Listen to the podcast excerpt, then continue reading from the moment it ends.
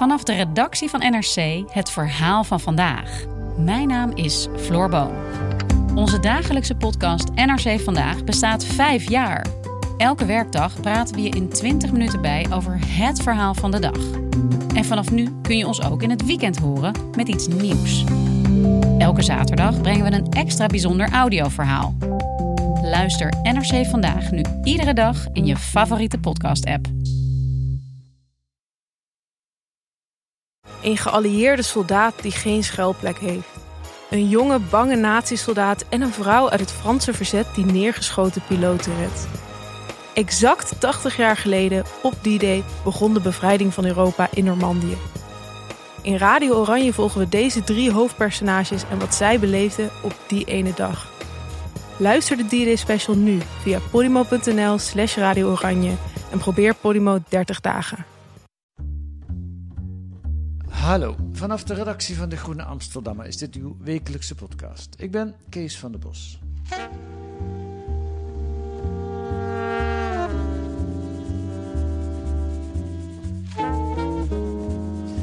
We weten nog zo weinig van het virus. Dat verzuchtte topviroloog Jaap Goudsmit onlangs in een interview. Over een jaar of tien, misschien vijftien, dan kennen we het pas, zei hij. Vier maanden is corona nu bij ons in Nederland. En ongeveer zeven maanden geleden, november neem ik dan aan, werd in China de eerste mens besmet. Het heeft ongekende gevolgen gehad in de hele wereld. En nu lijkt er bij ons een soort pauzestand in te treden. Maar ook dat is niet zeker. En in al die onzekerheid moeten beleidsmakers beslissingen nemen en journalisten moeten erover schrijven. Hoe bedrijf je wetenschapsjournalistiek in deze onzekere en ongekende tijden? Job de Vrieze schrijft deze week zijn veertiende corona-artikel in De Groene. Heb ik goed geteld, Job, het veertiende? Oh god, ja, ik had het zelf niet eens uh, bijgehouden, of 14 al.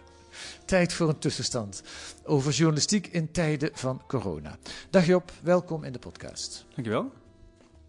Jij bent freelancer. Ja. Uh, houd jij je de laatste maanden nog wel eens met iets anders bezig dan corona? Ik heb nog een heel enkel stuk uh, wat, wat, waar ik echt niet meer onderuit kwam. wat nog daarvoor, van daarvoor stond. Ja. En uh, een heel enkel ding wat er tussendoor komt, wat dan uh, nou ja, weinig werk oplevert. Maar eigenlijk verder niet. Nee. Dus je bent bijna fulltime coronajournalist. Ja. ja, dat is ook een nieuw woord, hè? Hoe lang kun je dat nog volhouden, denk je? nou, ik denk dat het nog heel lang kan. Want er zijn natuurlijk nog heel wat uh, grotere dossiers op te pakken. Uh, evaluaties, uh, toekomstplannen voor hoe gaat de wereld zich hier verder ja. bijeenrapen en voorbereiden op een eventuele volgende vergelijkbare, maar natuurlijk nooit dezelfde ramp of ja. situatie. Ja. ja. nee, ik denk heel veel. Maar natuurlijk ga ik daarna wel weer eens andere onderwerpen oppakken. Maar ik denk dat ik hier nog heel tijd mee door kan. Ja. Je bent er nog niet op uitgekeken? Nee, Nee, mijn vrouw af en toe wel, maar uh, ja, dat is een ja? ander verhaal. Op jou of op de corona? nou, die, die, die, combinatie misschien. nou ja, het is natuurlijk wel 24-7 en ja. ja, dat is, uh, ja, is wel ja. veel. Ja, ja, het is niet alleen, je bent er de hele dag mee bezig, maar het is ook eigenlijk, gebeurt er steeds iets en verschijnen Ja. er steeds artikelen. Je, je groene artikelen komen ook altijd op het allerlaatste moment eh, binnen. Dus, Ja. hè, de drukker staat al klaar en dan komt Job de Vriezer nog met zijn verhaal. Ja, ja, want het kan net weer iets veranderd zijn. Of ja, je, je, je kan op vrijdag niet weten wat je op maandag uh, aan het einde van de rit uh, zult hebben. Ja. Hoe, hoe, hoe bevalt je dat als journalist? Dat is nieuw voor je, denk ik, of niet? Uh, ja, ik heb meestal op wat uitzonderingen na niet veel echt niet bovenop de actualiteit gezeten of op het nieuws echt. En nu ineens maak je nieuws of volg je heel erg het nieuws om daar heel erg op in te haken. Dat is voor mij wel nieuw. Wat ik, maar wat ik vooral heel prettig vind, is dat ik nu echt veel meer één dossier heb. Ja. En me daar de luxe kan permitteren om me daar helemaal mee bezig te houden. En niet andere klusjes tussendoor te hoeven doen. Dus dat is ook wel weer heel fijn eigenlijk. Want je kunt nog meer dan anders de diepte in. Of zo. Dat je, dat je ja, probeert... hoewel die snelheid soms ook wel een beetje uh, dat beperkend is. Zo van, oh, over twee weken een diepgravend stuk over. Normaal zou je daar natuurlijk uh, wat meer de tijd voor nemen. En, ja. Maar ja, ik kan wel gewoon uh, me daar echt volledig op toeleggen, ja. ja. Wat vind je van die uitspraak van Goudsmit, die ik in het begin citeerde? Van we weten eigenlijk nog amper iets van dat virus. -hmm. Ja, ik denk dat dat wel voor een heel... Ik, weet niet, 15 jaar... Ik, denk dat er wetenschap, zeker bij dit soort complexe onderwerpen... eh, levert altijd weer nieuwe vragen op. Hangt van je definitie af van eh, kennen. Hè? Ik bedoel, eh, over HIV, het HIV-virus leren we ook nog steeds allerlei nieuwe dingen en hebben we ook nog steeds geen vaccin. Ja. Voor eerdere coronavirussen is er ook geen vaccin. Dus we leren nog steeds, ja zeker. Ik denk dat we al wel een hele hoop meer weten dan, eh, dan vier maanden geleden. Maar ook nog steeds maar heel, heel weinig echt goed weten. Dat maakt het debat ook soms heel ergerlijk, vind ik. Omdat dan de stemmen, toch vaak veel stemmen domineren van mensen die het ja, toch eh, heel zeker proberen over te komen. Of zeggen het allemaal wel, wel te weten. Terwijl ja, dat is gewoon niet zo. Ja, ja. En hoe is het om te werken in de mist, in zoveel onzekerheid? Eh, ja, lastig. Het, het is. eh, ik heb ook niet de illusie. Ik heb ook wel eens gedacht, eh, als ik nou een boek ga schrijven, nou, uiteindelijk hierover, hoeveel van die 14 artikelen kan ik dan nog gebruiken? Misschien wel heel weinig. Alleen in reconstructievorm. Want heel veel dingen die je dan schrijft, zijn toch al wel weer achterhaald. Je doet Ja. het met de kennis die we nu hebben. En je wil daarbij de onzekerheden mee, meenemen. Dus daardoor word je er niet meteen op afgemaakt als het daarna weer achterhaald raakt. Maar, ehm, en ook er komen steeds nieuwe ideeën. En je moet heel erg wegen van... Oké, is dit nu eh, heel speculatief of snijdt dit hout? Wanneer pak ik het op? Ja. Eh, en, en wat voor soort andere mensen moet ik erover spreken? Ja. Als je wetenschappers erover spreekt die er helemaal nog niks over gehoord hebben, dan heb je daar eigenlijk niks aan. Die zeggen alleen maar, nou, het zal wel. Maar je wil ook niet alleen maar de mensen spreken die, die er zelf eh, middenin zitten, want die zijn misschien wel weer te, te veel ervan behept. D- dus dat is, dat is heel spannend eigenlijk steeds. Ja, ja. En wat zijn je eikpunten? Ik bedoel, ik las ergens, je hebt ook wel eens een wetenschapper die iets heel spectaculairs zei, niet gebruikt. Omdat je dacht, ah, ik weet het niet of, dat, of, of deze meneer wel dat moet laten zeggen. Wat zijn dan je eikpunten? Nou, een van de eikpunten die ik gebruik is ehm, in hoeverre ze bij hun lees blijven. Dus ze kunnen soms een bepaald punt hebben. Je bent dan een immunoloog. Die weet eigenlijk eh, weinig van de verspreiding van een virus, maar die weet heel veel van wat het immuunsysteem kan en doet. Op het moment dat die persoon dan in een interview hele zinnige dingen zegt over de immunologie, maar dan na vervolgens zich echt vergalopeert aan eh, superverspreiders bijvoorbeeld. Dus het feit of er bijeenkomsten kunnen zijn of personen kunnen zijn waarbij heel veel, die heel veel mensen tegelijk besmetten. Ja, Dan denk ik, ja, eh, dan ga ik liever in zee, zullen we zeggen, met iemand die, die, specifiek, die ik specifiek over die immunologie kan spreken. ja en, en Eh, over die superverspreiders moet je dan een epidemioloog of een microbioloog hebben. Ja, precies. Een epidemioloog of een, eh, soms een modelleur die dan op die manier naar kijkt en dat Ja. probeert te vangen in modellen. Ja. Ja, dat kan zo zijn. Eh, soms zijn mensen ook. eh, soms zit het hem ook in hun stelligheid. Eh, Stellige mensen doen het vaak goed. Die, die, die, ja, in no time zitten ze in een volgende talkshow. Ja, Eh, en dat zijn vaak ook wel dankbare personen om te interviewen, want die hebben vaak weer mooie quotes. Dus heel de verleiding is groot om ze er uh, groots op te voeren. Ja. Maar ja, het is wel. Het is een beetje onrealistisch om heel stellig te kunnen zijn nu. ja. Ja, voorbeeld wat dan bij mij meteen naar binnen schiet is Maurice de Hond. Ja, dat is wel een voorbeeld inderdaad. Eh, die, heel, die best verstandige dingen zegt Mhm. misschien. Eh, Ja.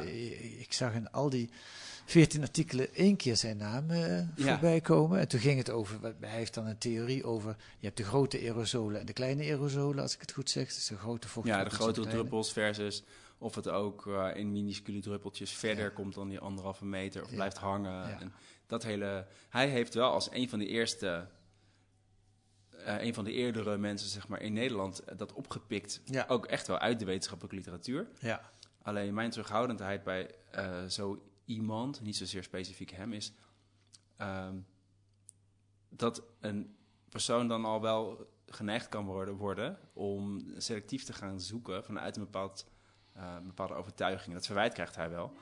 Eh, dus ik zie dat soort mensen dan voornamelijk niet zozeer van ik ga hem nu eens even interviewen, maar wel als aangever van oh dat is interessant, dan moet ik dan toch maar eens naar kijken en daar gewoon heel veel verschillende mensen over gaan spreken en dan zelf tot die conclusie komen. ja. Ja, ja, en het kenmerk van hem is, kijk, hij is natuurlijk geen viroloog, geen epidemioloog. Hij is gewoon een verstandig persoon die, Ja. die goed kan lezen. Wel, en wel een academische opleiding. Wel een academische opleiding. Maar hij weet het dan ineens ook heel zeker. Terwijl Ja. de, de topviroloog eh, Goudsmit, die zegt, ja, eh, 10, 15 jaar, dan weten we misschien iets meer over het virus. Dat vind Ja. ik ook zo, zo typerend. Ja, en wij moeten daar de middenweg in zien te vinden. Want eh, de, wetenschappers die het alleen maar zeggen, we weten het niet, daar heb je dan ook weer te weinig aan. Ja. Want je kunt, daar kun je geen beleid op bouwen. Maar, en, ja, en dat, wat ik dan een beetje de, de de citizen eh, investigative journalists noemen ze hem zeggen. Dus De dat zijn burgeronderzoeksjournalisten. Ja. Die, ehm, ja, die, die kunnen zich soms ook wel weer vergalopperen. En ze zijn wel heel scherp op hetgene waar ze kritisch op zijn. Maar ver- vergeten dan soms ook nog wel kritisch te blijven op wat ze zelf zeggen. En dan heb ik het niet specifiek nu over Maurice de Hond, maar gewoon in het algemeen. Mensen die.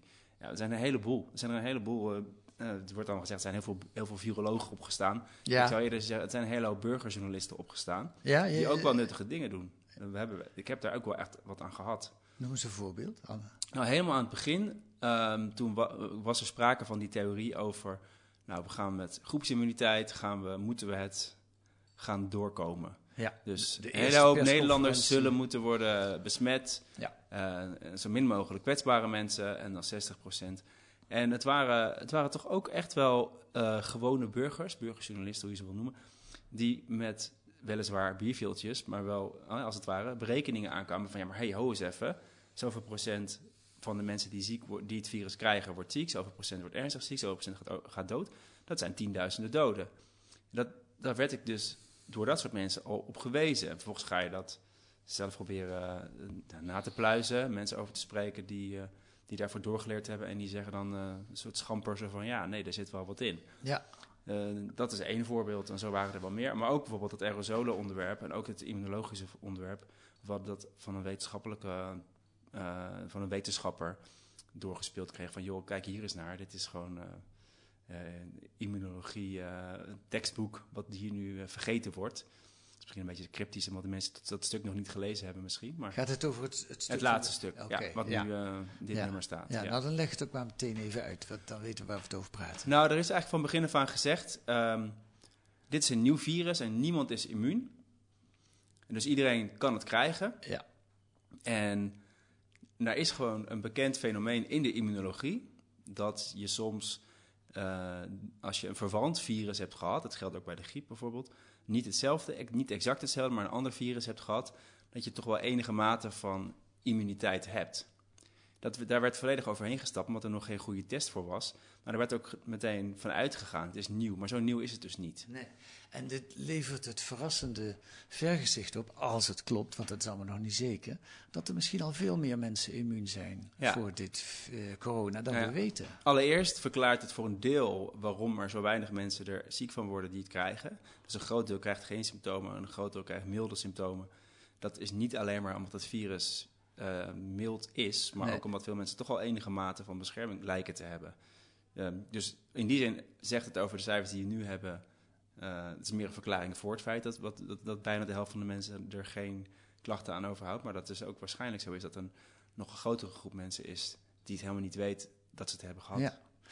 En het grappige is ook dat in een van jouw eerste artikelen, het eerste of het tweede, maak je tamelijk eh, korte metten met het groeps, groepsimmuniteit. Wat later, eh, Rutte heeft dat één keer gezegd en heeft dat ook nooit meer in zijn mond genomen. Want Mhm. dat, dat, dat kon, die, kon hij ook helemaal niet volhouden. Mhm. Eh, en nu, via een omweg, en dan zie je maar weer dat het goed is dat je niet zo heel stellig bent, komt het Mhm. in je 14e artikel ineens om de hoek kijken. Wie weet, misschien. Ja. Ja, en het is, kijk, ik ben eh, in, die, in die tijd natuurlijk ook vooral uitgegaan van de waarschuwingen die uit wetenschappelijke hoek kwamen. Van hou eens even, reken eens uit als je uit zou gaan dat 60% het moet krijgen. Ja. Eh, en op het moment dat je dus, dat die- ze hebben zo'n ziektepyramide, hè, dat er onder, onderaan zit een groep die niks krijgt, dan een groep mild, dan een groep, en een heel kleine groep die ernstig. Als die, het onderste deel dus groter blijkt te zijn, eh, dan heb je een andere situatie. Maar dat blijft nog steeds zo. Het verandert niet iets aan wat er gebeurd is in Brabant of in. Hè, want, want daar was, daar was die, die de- gedeeltelijke immuniteit, was daar waarschijnlijk ook wel. Dat wil niet zeggen dat de andere mensen niet ziek worden. Nee. Dus daar moeten we ook wel voorzichtig mee zijn. Ja, nee, maar die groepsimmuniteit ging toen ook niet. Het was ook geen oplossing voor Brabant, maar dat was een vergezicht waar Ja. we misschien naartoe zouden gaan. En dat Ja. leek toen, toen het geponeerd werd, eigenlijk tamelijk onzinnig vergezicht. Ja, En heel misschien. Is En dat was ook omdat we het zo, weinig, zo Ja. weinig wisten. En we weten nu wel meer. Want die ideeën over die immunologie waren er. Maar er beginnen nu eindelijk ook wetenschappelijke artikelen over te verschijnen. Over dat werken in de mist wil ik nog wat dingen met je bespreken. En eh, laat ik je eerst een fragment horen. En dat is Pieter Klok, eh, hoofdredacteur van de Volkskrant, die op 19 maart, dat is niet onbelangrijk, het, het was vlak na de eerste persconferentie van Rutte, eh in Radio Na de 1. speech ook. Ja, Ja. ja.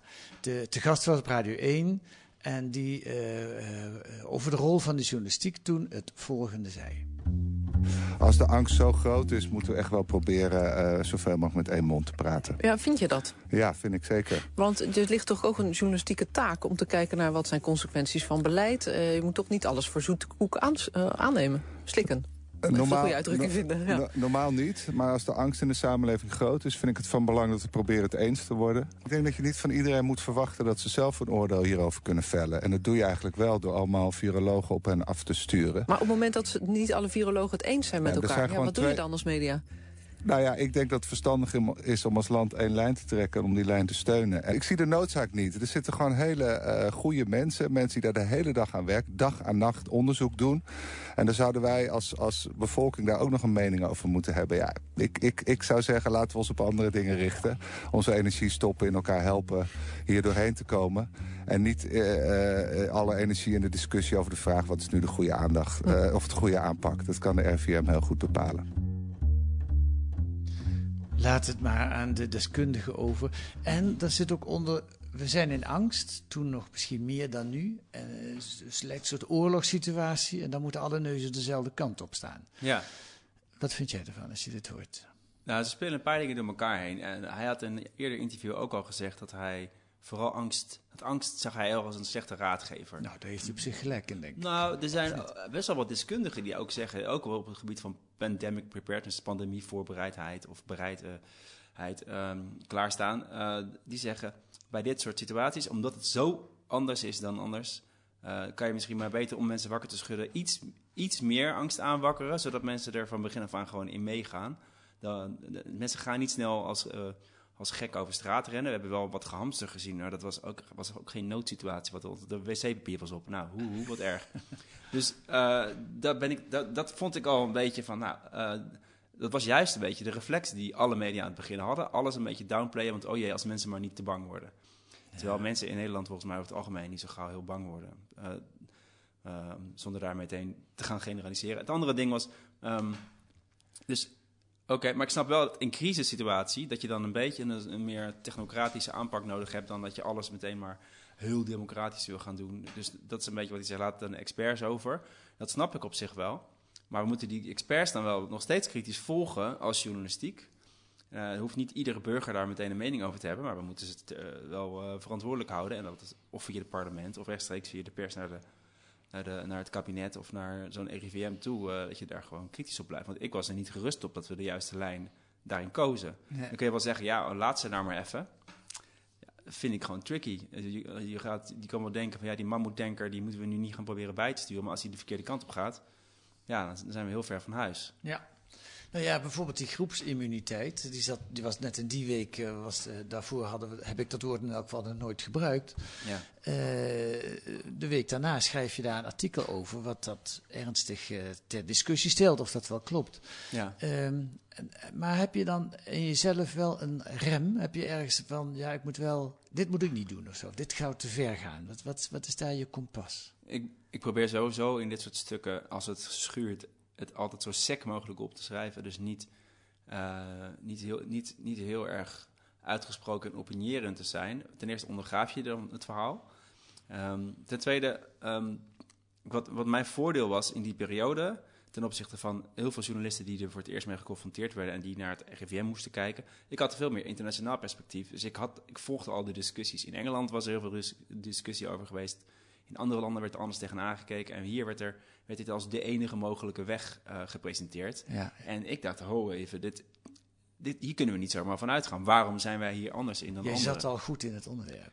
Ja, Ja. dus dan kun je op zich wel, door dat soort dingen gewoon op een rij te zetten, kun je daar wel, eh, ja, dan kun je daar gewoon die vraagtekens wel goed formuleren, zonder dat je meteen zegt, ze zijn gek geworden. Ja.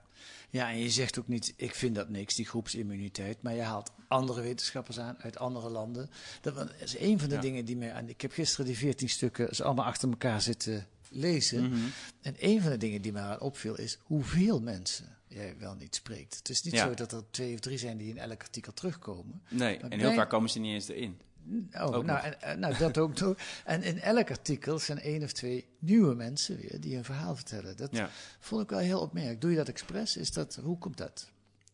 Ja, ja, expres. Ik, ik kies daar wel heel bewust voor, omdat je, als je steeds op dezelfde mensen gaat leunen, ten eerste krijg je dan vaak weer hetzelfde. En ook die mensen, en die hebben gewoon, die hebben gewoon een bepaald perspectief. Die hebben bepaalde stokpaardjes, die hebben bepaalde belangen misschien ook wel.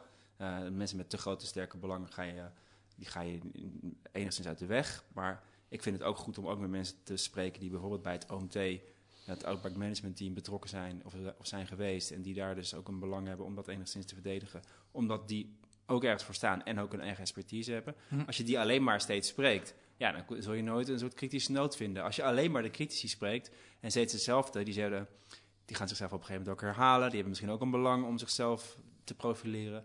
En als je er steeds een beetje over springt, dan hou je je daar ook wat, uh, dan maak je jezelf daar minder kwetsbaar voor. Ja, dat, dat is wel een gevolg. Je wordt er minder kwetsbaar door. Als je elk artikel Maurice de Hond zou citeren. Ja, nou, of uh, ik heb bijvoorbeeld een paar keer met, uh, met veldepidemioloog uh, Andries Baiju gesproken. Ja. hele nuttige, ja. belangrijke, kritische stem. Omdat hij en de Nederlandse situatie goed kent en heel internationaal denkt. Ja. Maar als ik hem elk, elk stuk zou opvoeren, ja, dat, dat, dan op een gegeven moment voegt het ook niet meer zoveel toe. En uh, dan heeft het gewoon niet zoveel zin. Ik heb nog steeds regelmatig contact met hem over ontwikkelingen internationaal. ook in Nederland wel. Hartstikke nuttig, maar ik hoef hem niet elke week weer opnieuw te gaan citeren. Dat hoeft niet. Dan komt er een moment ehm, waarop je nieuws maakt in dit dossier, zoals dat dan heet. Uh, ik denk dat we in april zitten en je spreekt Alex Friedrich, ehm, uh, wat is die, microbioloog geloof ik? Arts ja, medisch microbioloog, arts medisch microbioloog. In het UMCG in Groningen. En die komt met een opmerkelijk uitspraak. Uh, er is op dat moment in Nederland een discussie over de hoeveelheid testen. De RIVM zegt dat testen is, is niet zo eh, verschrikkelijk belangrijk om dat iedereen nu te doen, liever niet zelfs. En daar zit eigenlijk achter van, al zou het wel belangrijk zijn, we hebben gewoon helemaal niet genoeg testen, dus we moeten dat wel zeggen. Die, die twee dingen liepen heel erg door elkaar heen. Ja, ja. ja. Uh, en dan vind jij, die meneer Friedrich, en die zegt nou hier in Groningen, en ik geloof Friesland en Overijssel Voornamelijk, ja. ook nog. Voornamelijk Groningen, maar ook... Uh, deels in die andere noordelijke... We doen het gewoon heel anders hoor. Wij testen wel alle zorgmedewerkers. En we hebben ook gezorgd dat we, ik weet niet precies op welke manier, maar hij had voldoende testcapaciteit beschikbaar. Overigens is dat gebleken dat RIVM toen eh, ook wel iets te voorzichtig was, dat er misschien ook wel meer capaciteit was. Mhm. Nou, maar dan interesseren mij twee dingen. Het ene is, het begint ermee, jij spreekt die Alex Friedrich. Ehm, uh, denk je, wauw, op het moment dat hij dat zegt, hier sta ik van te kijken. Of wist je toen je belde dat dit eraan zat te komen? Uh, hij, had wel, er was al wel iets uh, van een soort. In een interview had hij dit zei, had hij zijdelings hierover gezegd. Volgens mij was het een eerste stuk vanuit zijn eigen universiteit. Ja. En, uh, en er was ook al iets over in het Dagblad van het Noorden verschenen, begrepen volgens mij. Maar het was een beetje verstopt. En dus ik dacht al, oh, dit zit iets. Dus ik ga hem eens even bellen. zoals ik dan vaker deed in die tijd, gewoon, en nu ook wel hoor. Maar dan, ik weet niet zeker waar, waar dit nu naartoe zal gaan, maar ik ga hem spreken en kijken wat er hier zit. En toen hij bepaalde dingen zei, dus over dat feit van, uh, ja, er is een landelijk beleid en wij wijken daarvan af. Nou, vanuit beleidskant is dat heel interessant. Van, hey, en het feit van, oh, dat testen uh, en daar dus echt duidelijk een soort inhoudelijk betoog gaf waarom het wel degelijk nut had. Wat inging tegen dat landelijke betoog van uh, het voegt niks toe, waar ik mijn twijfels aan bij had. Uh, dacht ik, wow. Toen dacht ik al meteen, wow, dit is nieuws. Ik heb ja. al meteen met de chef Evert, Evert de Vos gebeld van, hey, kunnen we dit snel brengen? En toen hebben jullie ook niet gewacht tot de volgende groene, maar het tussentijds op de site gezet. Ja. En het is ook nieuws geworden. Ja, en dat klopt. Dat was ook goed dat we snel waren, want zaten meer media achteraan. Ja, dus. ja. Maar dan komt het volgende. Um, die meneer Friedrich zegt, uh, een paar weken later in, uh, tegen jou, is dat ook wat tegen anderen gezegd hebben, dat hij de eerste 48 uur na deze, uh, nadat jij het op de site had geknikkerd, wel het erg druk heeft gehad. Hij kreeg nogal wat mensen over zich heen, denk ja. ik. Ja, hij zei dat het waren geen fijne 48 uur, maar het was niet voor niks geweest. Nou, dat, dat vind ik dan interessant. Waarom zei hij dat? Wat is zijn uh, belang om dit naar buiten te brengen? Denk dat hij er last van gehad heeft? Nee, dat hij het überhaupt oh, ja. zegt. Ja, dat hij het heeft gezegd. Ja. Um, ik denk dat hij ondervond dat als je, eh, het wordt altijd gezegd, je moet het netjes binnen kamers oplossen. Ja. Dat hij ondervond dat daar geen ruimte was. En dat het dus als het ware, dat zie je vaker in, in de journalistiek in het algemeen. Wanneer gooit iets, iemand, naar, iemand iets naar buiten, daar heeft hij zijn belang bij, namelijk anders lukt het niet. Ja. Dat hij heeft gemerkt, je moet je kunnen uitspreken. Hij stoorde zich aan het gebrek aan kritische reflectie binnen die kringen rondom het Outbreak Management Team. Daar heeft hij later ook uitgebreid een interview over gegeven uh, op de podcast van de Rijksuniversiteit Groningen zelf. Zo van, daar ergerde hij zich aan. En hij dacht zo, nou weet je, dat moet het maar. Hm. Dus hij gooide zichzelf als het ware tijdelijk voor de, voor de bus. Om, om, om, ja, om dan maar dit los te breken, als een breekijzer. Ja, want hij kreeg wel op zijn donder van de uh, Ja, maar dan vooral heel erg vanuit van, oh, dat, dat doe je niet. Ja. Ja, en dus daarmee won hij alleen maar heel veel aan. Hij, hij is ook, vooral in het noorden van het land behoorlijk populair. Ja. Echt, uh, bij, bij het publiek echt, zo van als een held als het ware. Ook mede doordat hij gewoon dat uit zijn nek uitgestoken. En als je dan teruggefloten wordt omdat je dat niet zo hoort te doen, dat is geen inhoudelijke kritiek. En tot op de dag van vandaag zijn er minder doden uh, gevallen in Groningen. Ja, en natuurlijk kun je dat niet één op één daartoe herleiden. Hij zegt ook zelf al, we hebben ook mazzel gehad. Anderen zeggen, nou, dat testbeleid kan dat niet veroorzaakt hebben. Hij zegt, het zal waarschijnlijk allebei hebben bijgedragen. Want ze konden er dichter bovenop blijven zitten. Ja. In het artikel wat je die week schreef, daar moeten we het maar kort over hebben, want daar hebben we het in de vorige podcast mhm. ook al over gehad. Dat was naar aanleiding van dat artikel voor de Liefhebbers podcast 52. Dan hoort u op de Vriezen nog een keer. um, Uh, maar dan gaat het over de. Dan, dan, schrijf je een artikel over de verschillende aanpakvormen die je hebt van corona. Je kunt het proberen te, te, te doven, of mhm. je kunt het uh, smoren. Ja. Uh, doven is proberen het uit te trappen en zo gauw het weer de kop opsteekt, echt weer onderdrukken. Ja. Smoren is geleidelijk een beetje onder controle, laat zich laten verspreiden. Ja, en die ziekenhuiscapaciteit. Dat ja, is, en dat is dat je die maat, centraal. Ja, ja. ja. Um, maar oké, dat is een hele discussie. Uh, daar gaan we het nu niet over hebben. Maar wat er dan ook gebeurt, dat vind ik ook weer zo'n opmerkelijk moment. Dat dan uh, die reactie op Twitter van Marietje Schaken, een, een D66-politica. En die zegt dan opmerkelijk dat de Groenen op het moment dat de strijd om het verhaal over corona, net als het virus zelf, woedt, met andere woorden, even, kom ik er even tussendoor. Het is oorlog, hè? we zitten in mhm. crisis. Uh, Marietje Schaken gaat verder. De China Daily aanhaalt, zonder te melden dat dit de spreekbuis is van de Communistische Partij. Met andere woorden, Job, je hebt weer uh, buiten de pot geplast. Dus we zijn met z'n allen met de crisis bezig. En dan ga jij weer zitten, zitten zieken. Ja, ik vond het, ik vond het wel, wel interessant. Het is bijna een McCarthyisme. Hè? Zo je wordt niet, niet, je bent, je, ik werd daar geassocieerd met het communisme of uh, de, ja. de Chinezen, om zo maar te zeggen. Ja. Ik kreeg dit aangevoerd uh, via een wetenschapper, via het netwerk van internationale uh, wetenschappers die zich heel met uitbraken te, te maken hebben. Deze auteur van dat stuk, dat was een oud directeur van de Chinese CDC. En die... CDC? Ja, de, de Center for Disease Control. Het heet natuurlijk in China anders, maar ja. zo wordt hij dan genoemd.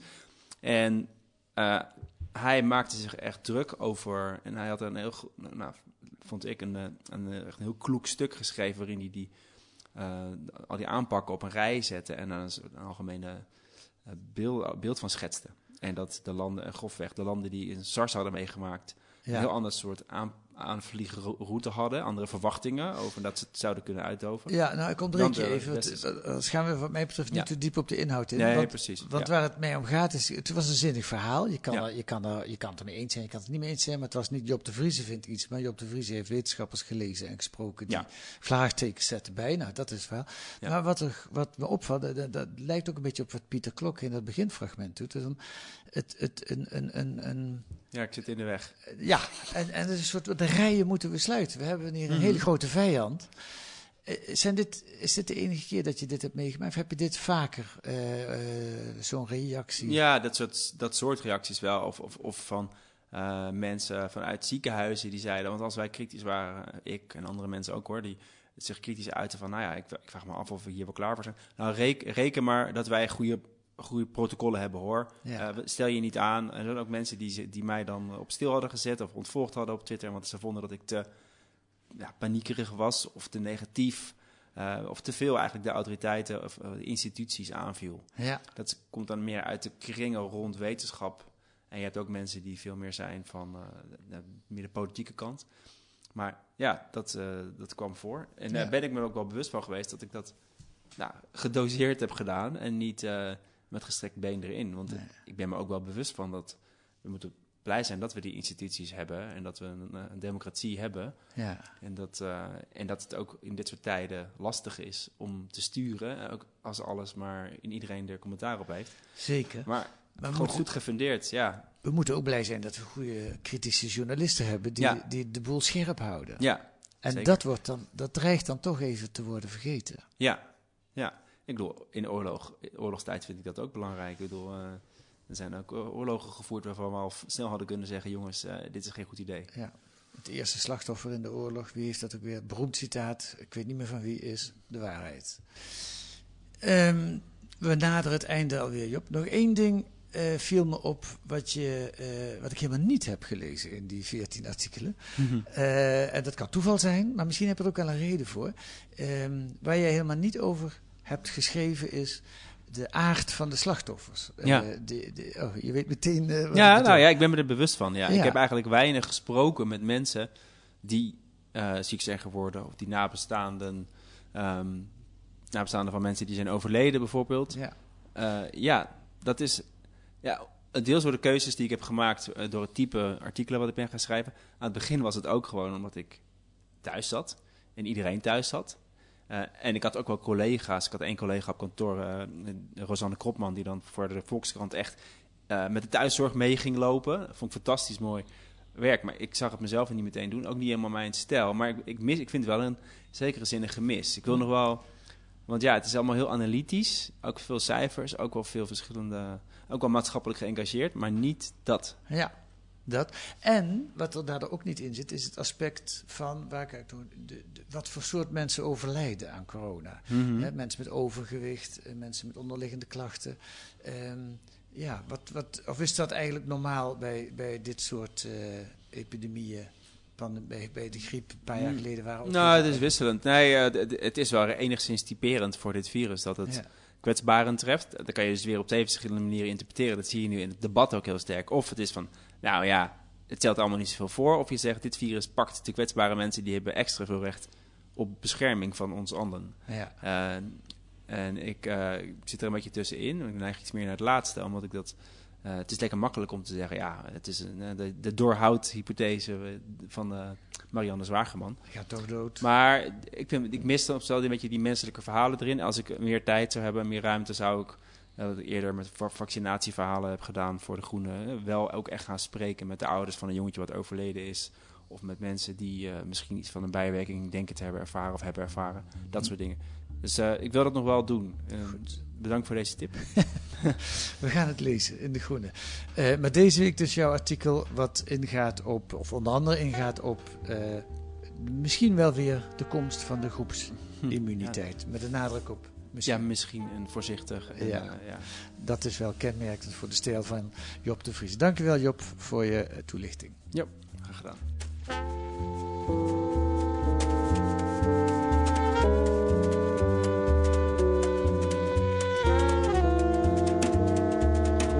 Verder deze week in De Groene. Veel aandacht voor Srebrenica, waar de genocide 25 jaar geleden plaatsvond. In Srebrenica leven de 3000 teruggekeerde Bosniakken en de Serviërs nog steeds met de rug naar elkaar. Dat blijkt uit een reportage. Er is een sprankje hoop in de muziekschool. En een internationaal onderzoek naar overheidssubsidies, u gelooft het niet, aan de olie- en gasindustrie. In alle EU-landen gezamenlijk blijkt het om 137 miljard euro per jaar te gaan. En zo staat Nederland bijvoorbeeld garant voor nieuwe Mexicaanse olieplatforms en voor een olieterminal bij Oman. Allemaal te lezen in De Groene deze week. Met een abonnement of een proefabonnement. Ga dan naar groene.nl en daar leest u hoe u drie maanden De Groene kunt krijgen voor 30 euro. Groene.nl Wilt u reageren op deze podcast? Dat kan ook via de mail podcast.groene.nl. U kunt ons ook sterren geven in de podcast-app of zelfs een korte recensie. Volgende week zijn we er weer met analyses en achtergronden bij het nieuws in deze podcast van de Groene Amsterdammer. Deze week werd die gemaakt door Daan Stoop en Kees van der Bos en de muziek is The Tune for N van Paul van Kemenade.